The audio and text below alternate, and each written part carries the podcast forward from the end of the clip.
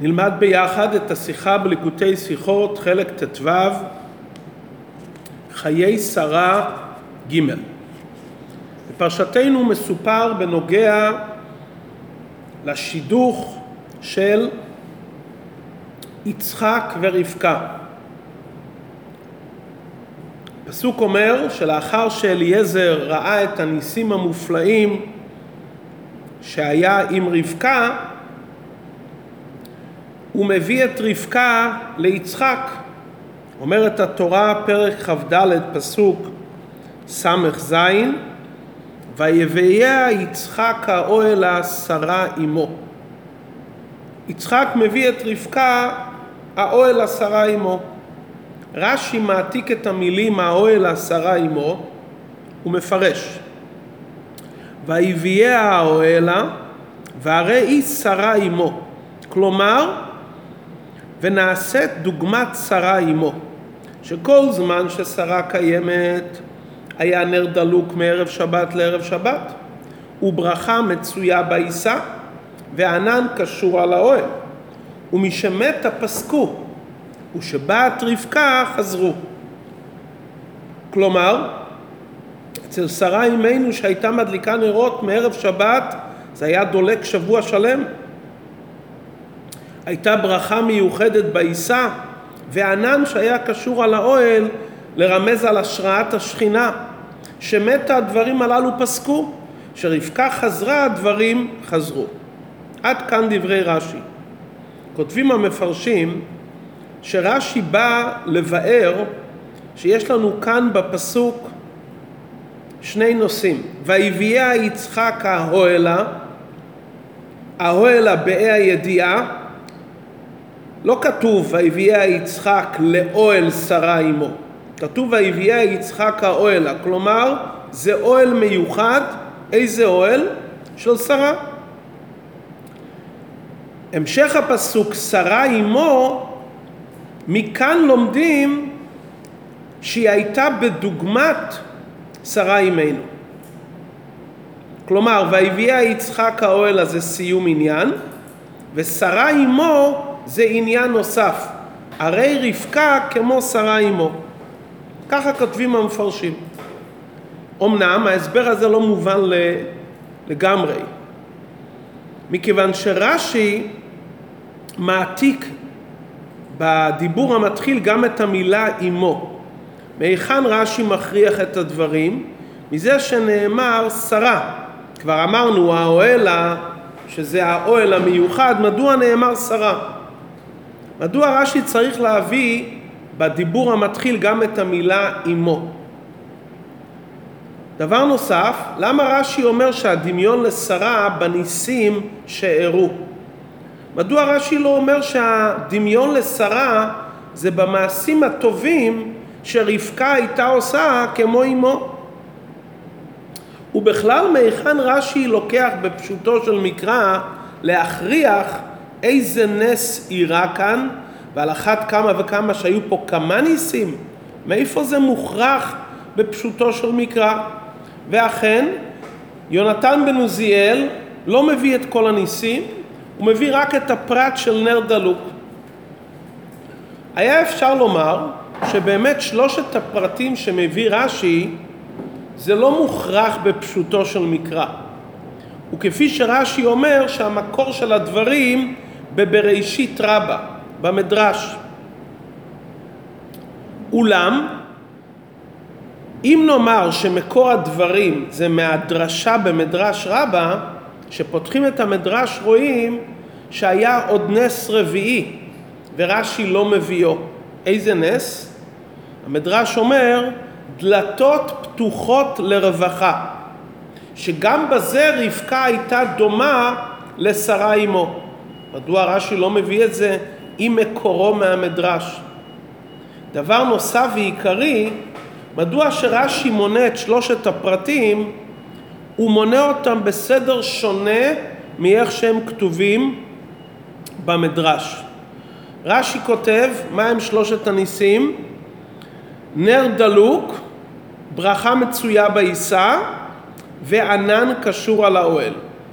במדרש כתוב, נס ראשון ענן קשור על פתח האוהל, נס שני ברכה מצויה בעיסה, והנס האחרון זה נר דלוק.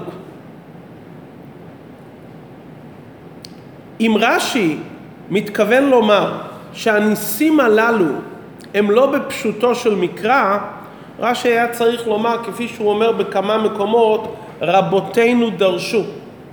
מזה שרש"י לא אומר רבותינו דרשו, מובן ששלושת הדברים הללו, הנר והעיסה והענן, יש להם מקור בפשוטו של מקרא. ובכל זאת רש"י מציין שהדברים כתובים בבראשית רבה. אם כן, יש לנו כאן חיבור של שני דברים.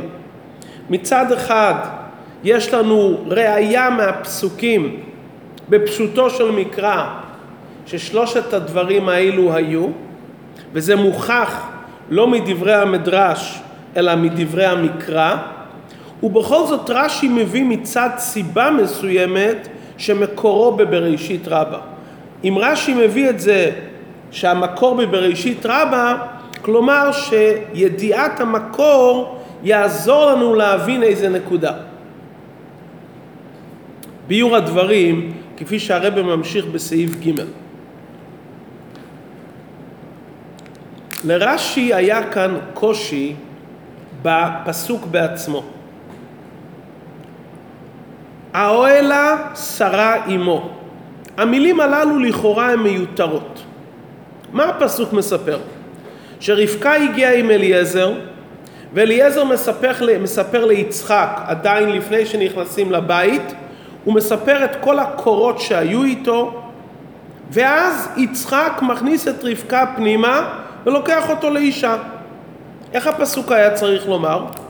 ויביאה יצחק אליו, ויקח את רבקה ותהי לו לאישה. מה פתאום התורה מוסיפה את המילים האוהל השרה עמו?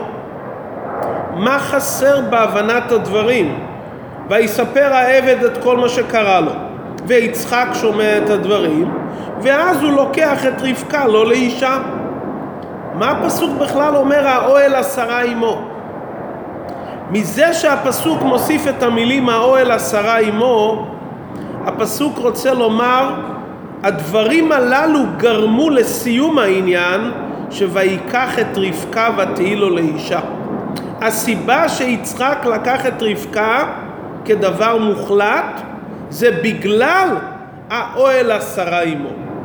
כלומר, אליעזר מספר ליצחק את האופן הניסי והמופלא ואת כל השתלשלות הדברים בדיוק איך שהוא עשה על פי הסימנים שהוא קבע. הוא מספר לו את הניסים, מספר לו את קפיצת הדרך שהייתה לו, מספר לו איך שרבקה מגיעה, ואליעזר רואה בכל זה הוכחה, אותה הוכחת לעבדך ליצחק. ככה אליעזר מבין. יצחק שומע את הדברים, הוא עדיין לא בטוח לגמרי שהיא אכן דומה למשפחתו והיא דומה לאמו שרה בצדקות. והרי לשם כך אברהם שלח את אליעזר. מתי ריב יצחק מכיר באופן ודאי שרבקה היא בעצם מתאימה למשפחתו והיא זאתי שיכולה למלות את מקום שרה עמו, זה קרה רק אחרי שהוא הביא אותה לאוהל. וכשהוא הביא אותה לאוהל הוא ראה ניסים ונפלאות גדולים יותר ממה שסיפר לו אליעזר. ואז הוא ראה באופן מושלם, כן, זאתי האישה שמתאימה למשפחת אברהם ושרה, ואת הדברים הללו הפסוק מוסיף בזה שהפסוק אומר האוהל השרה עמו זה פרטים נוספים ומופלאים שגרמו ליצחק לדעת באופן ודאי ומוחלט זו האישה. כלומר, כשהוא שמע את מה שאליעזר אומר, הוא ראה את הכיוון, אבל עדיין זה לא היה מוחלט אצלו. מה גרם לו ותהי לו לאישה? שלושת הדברים הרמוזים במילים המיותרים לכאורה, האוהלה שרה עמו. בואו נראה איך רואים במילים האוהל שרה עמו ניסים מופלאים שגרמו ליצחק להבין שזאת היא האישה באופן מושלם וודאי. האוהלה באי הידיעה. כלומר, יש כאן איזה נס שקשור לאוהל. נס שמבדיל את האוהל הזה מכל שאר האוהלים. שלכן האוהל הזה נקרא האוהלה, האוהל הידוע והמפורסם. האוהל הזה המפורסם גורם לו להבין שזו אשתו. איפה למדנו מעין זה? למדנו בפסוק בפרשת ויירא, שאברהם אבינו הולך לעקידה, כתוב וירא את המקום מרחוק. הוא רואה איזה מקום, המקום, מקום מובדל. איך הוא ראה? אומר רש"י, הוא ראה שיש ענן קשור על ההר. אברהם אבינו הולך ולא יודע להיכן הוא צריך ללכת, הוא רואה את המקום מרחוק. זאת אומרת, הוא ראה ענן על ההר, המוריה. כלומר, זה המקום שאני צריך ללכת. גם כאן שהפסוק אומר האוהלה, הפסוק בא לומר יש כאן נס מיוחד. הוא רואה שהיא נכנסת לאוהל, והוא רואה שיש ענן קשור על האוהל. הוא מבין שהאוהל הזה, הענן בא בזכות רבקה, והאוהל הזה עכשיו מובדל מכל שאר האוהלים. זה הנס הראשון הנרמז במילה ההועלה באי הידיעה. המילה השנייה, שרה. נס שקשור עם שרה. מה אנחנו יודעים על שרה דבר מיוחד? למדנו בפרשת ויירא שהגיעו המלאכים להתארח אצל אברהם, אברהם התעסק בעצמו בהכנת והגשת המאכלים עבורם. רץ, למרות שהוא היה לאחרי ברית מילה, הצער הגדול שהוא סבל, הוא רץ בעצמו להביא בן בקר, לש והכין. רץ, רץ להביא את הבן בקר, סליחה. איזה דבר אברהם לא עשה לבד, אלא הוא השאיר לשרה? מערי, סולת, לושי ועשי עוגות. זאת אומרת, לישת והכנת העיסה הוא השאיר לשרה לגמרי, כי זה היה שייך לה. זאת אומרת, שרה, למדנו שהיא התעסקה עם הכנת העיסה.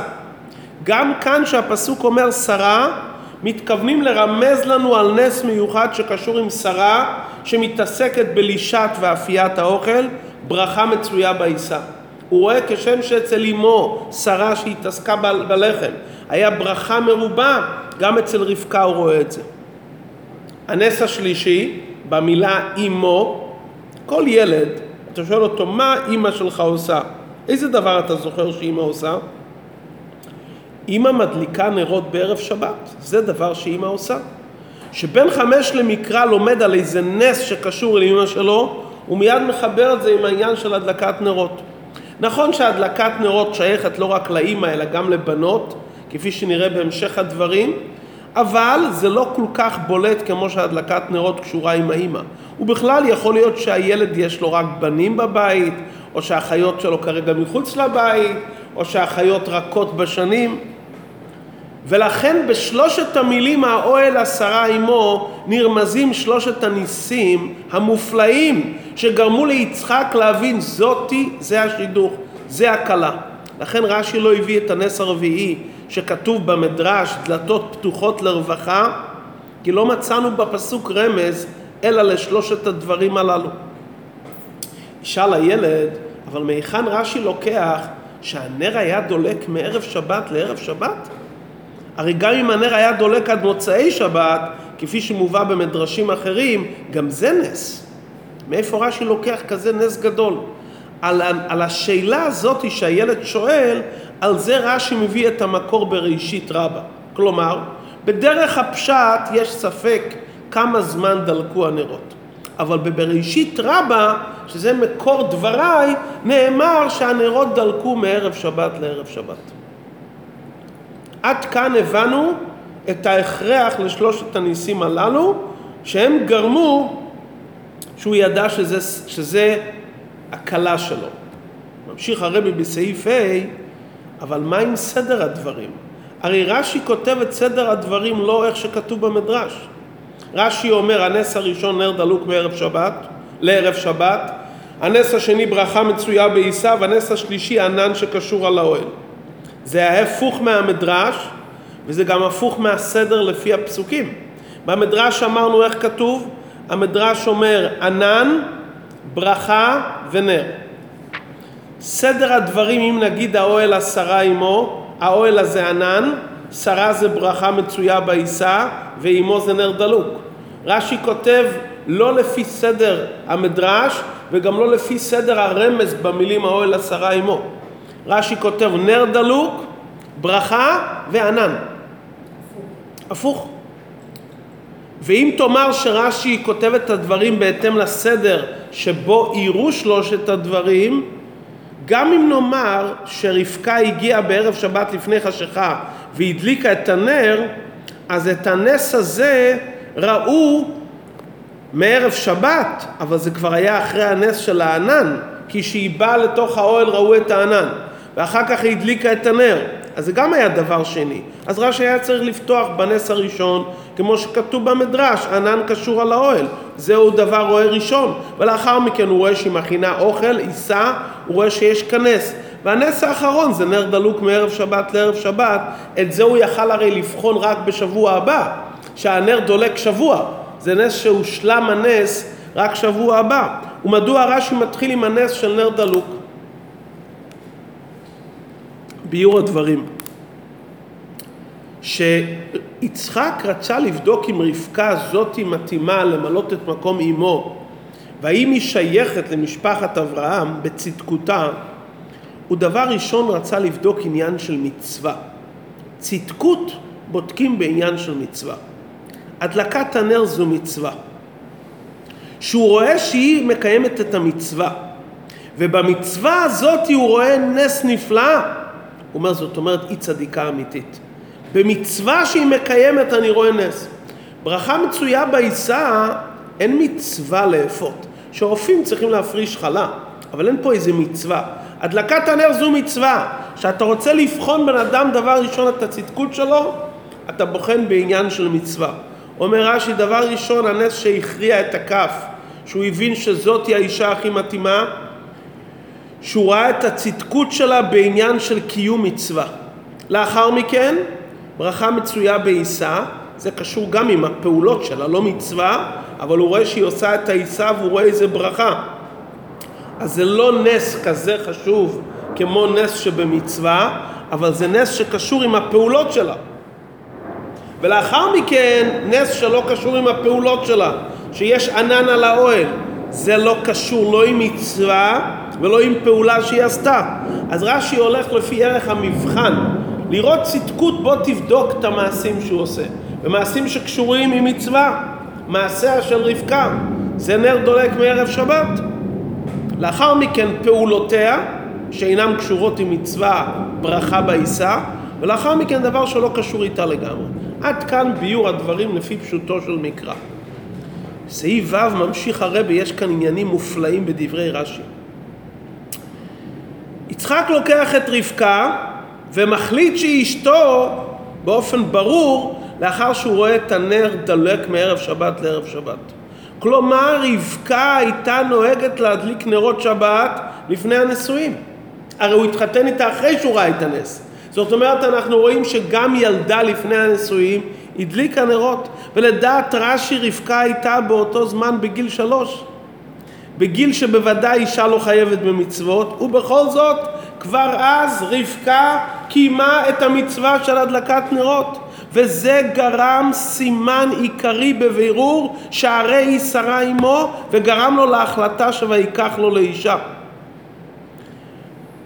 זאת אומרת, מדובר בבית של אברהם אבינו. אברהם אבינו קיים את כל התורה כולה וגם מצוות מדרבנן. אם האישה לא נמצאת בבית, מאיזה סיבה? מוטל על האבא, על הבעל, החיוב להדליק. מאז ששרה הלכה לעולמה, מי הדליק נרות בבית? אברהם.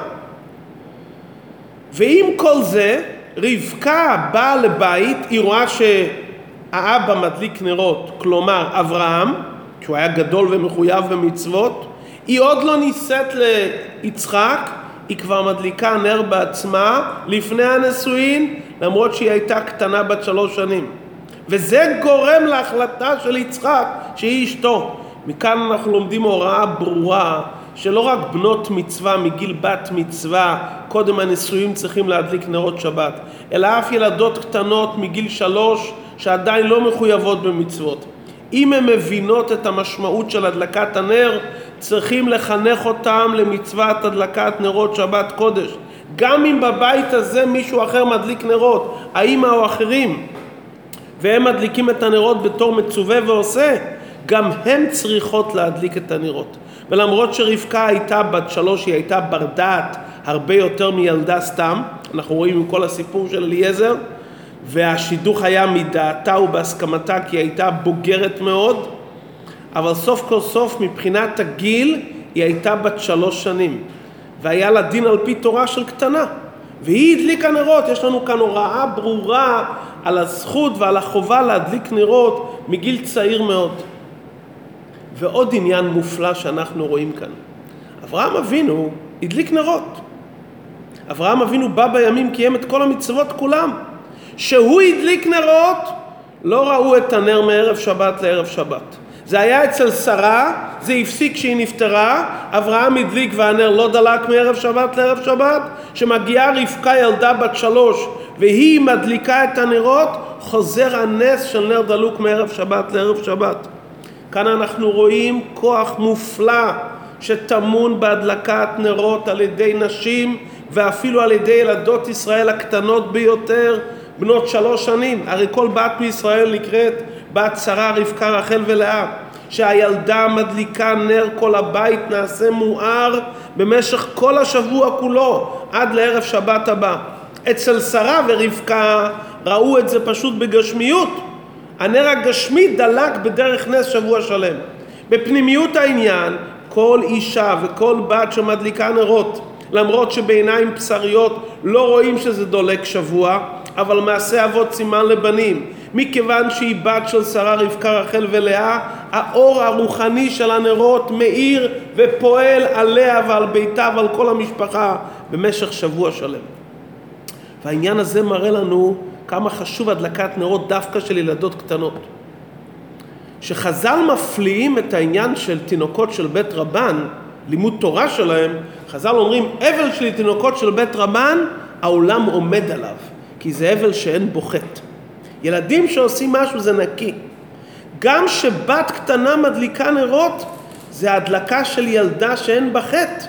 זאת אומרת, יש לזה יוקר מבחינה מסוימת גם על מה שאימהות מדליקות. כי הדלקת הנרות נעשית על ידי ילדה נקייה וטהורה שאין בה חטא.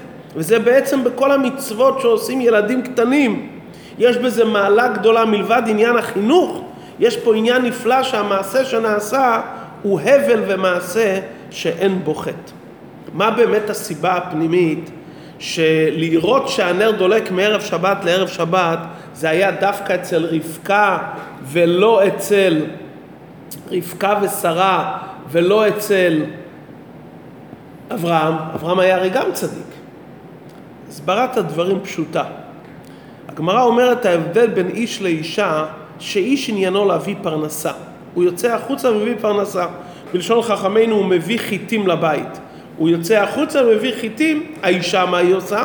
היא העזר שהיא הופכת את החיטים שיהיו ראויים למאכל אדם. כלומר, הקדוש ברוך הוא קבע בטבע העולם שרוב הזמן של האיש הוא צריך להיות בחוץ, לרכוש דברים מחוץ לעולם, להכניס לבית. האיש דרכו לכבוש, זה עיקר עניינו של האיש.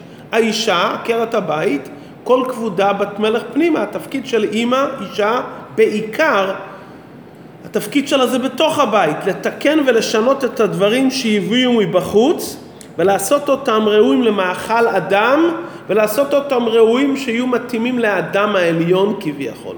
ולכן, כשאברהם הדליק נרות זה לא היה מהתפקיד שלו, כי התפקיד של אברהם בעיקר זה לפעול מחוץ לבית. כרגע ששרה לא הייתה הוא גם הדליק את הנרות. לכן זה לא היה צריך לגרום נס שהארת הבית הגשמית תאיר שבוע שלם באופן ניסי. זה לא העבודה שלו. הוא עשה את זה כי כרגע שרה לא נמצאת. קיים את המצווה.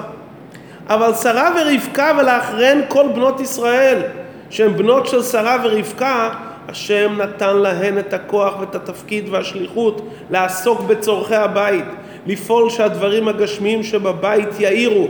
והם על ידי שהן מדליקות את הנרות, הם משפיעים על כל הבית, שכל ימות השבוע יראו וירגישו ויחושו שזה בית יהודי שהדליקו בו נרות בערב שבת והאור הזה מאיר על הבית, זה התפקיד של האישה, זה העניין שלה ולכן דווקא בזכות הדלקת הנרות של נשים ובנות קטנות הן גורמות את העניין של הארת הבית באופן ניסי. אחרי הביור הזה אפשר להגיד עוד הסבר מדוע רש"י נוקט בסדר הזה. לפני זה אמרנו שרש"י אומר הוא בחן את הצדקות לפי המצווה, לפי הפעולות ולפי דברים שלא קשורים עם הפעולות שלה. עכשיו אנחנו נוכל להסביר את זה באופן יותר פנימי. המפרשים כותבים ששלושת העניינים שרש"י מביא, נר דלוק מערב שבת לערב שבת, ברכה מצויה בעיסה וענן קשור על האוהל, הם כנגד שלוש המצוות שנצטוו בהן במיוחד בנות ישראל. חלה, טהרת המשפחה והדלקת הנר. שמירת מצוות הדלקת הנר זה המצווה הראשונה, נר דולק מערב שבת לערב שבת. הזהירות במצוות חלה, כשרות, שהמצווה שקשורה עם נשים, מביאה ברכה מצויה בעיסה. והזהירות במצוות טהרת המשפחה, דיני נידה, מביא את הבית לטהרה. יש ענן שקשור על האוהל. הטהרה הזאת מביאה את ענן השכינה. כלומר, שלושת המצוות הללו הם שלושת המצוות של בנות ישראל, הדלקת הנר, חלה והעניין של שמירת חוקי הטהרה.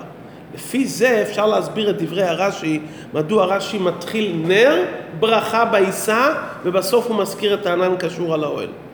ממתי הבת מדליקה נרות אמרנו? שהיא מגיעה לגיל חינוך, מגיל שלוש. זאת אומרת המצווה הראשונה שהבת עושה ושומרת זה הדלקת נרות. לאחר מכן כשהיא קצת מתבגרת היא כבר עוזרת לאימא ועושה חלה. כשהיא מגיעה לגיל 12 אז היא יכולה כבר להפריש חלה.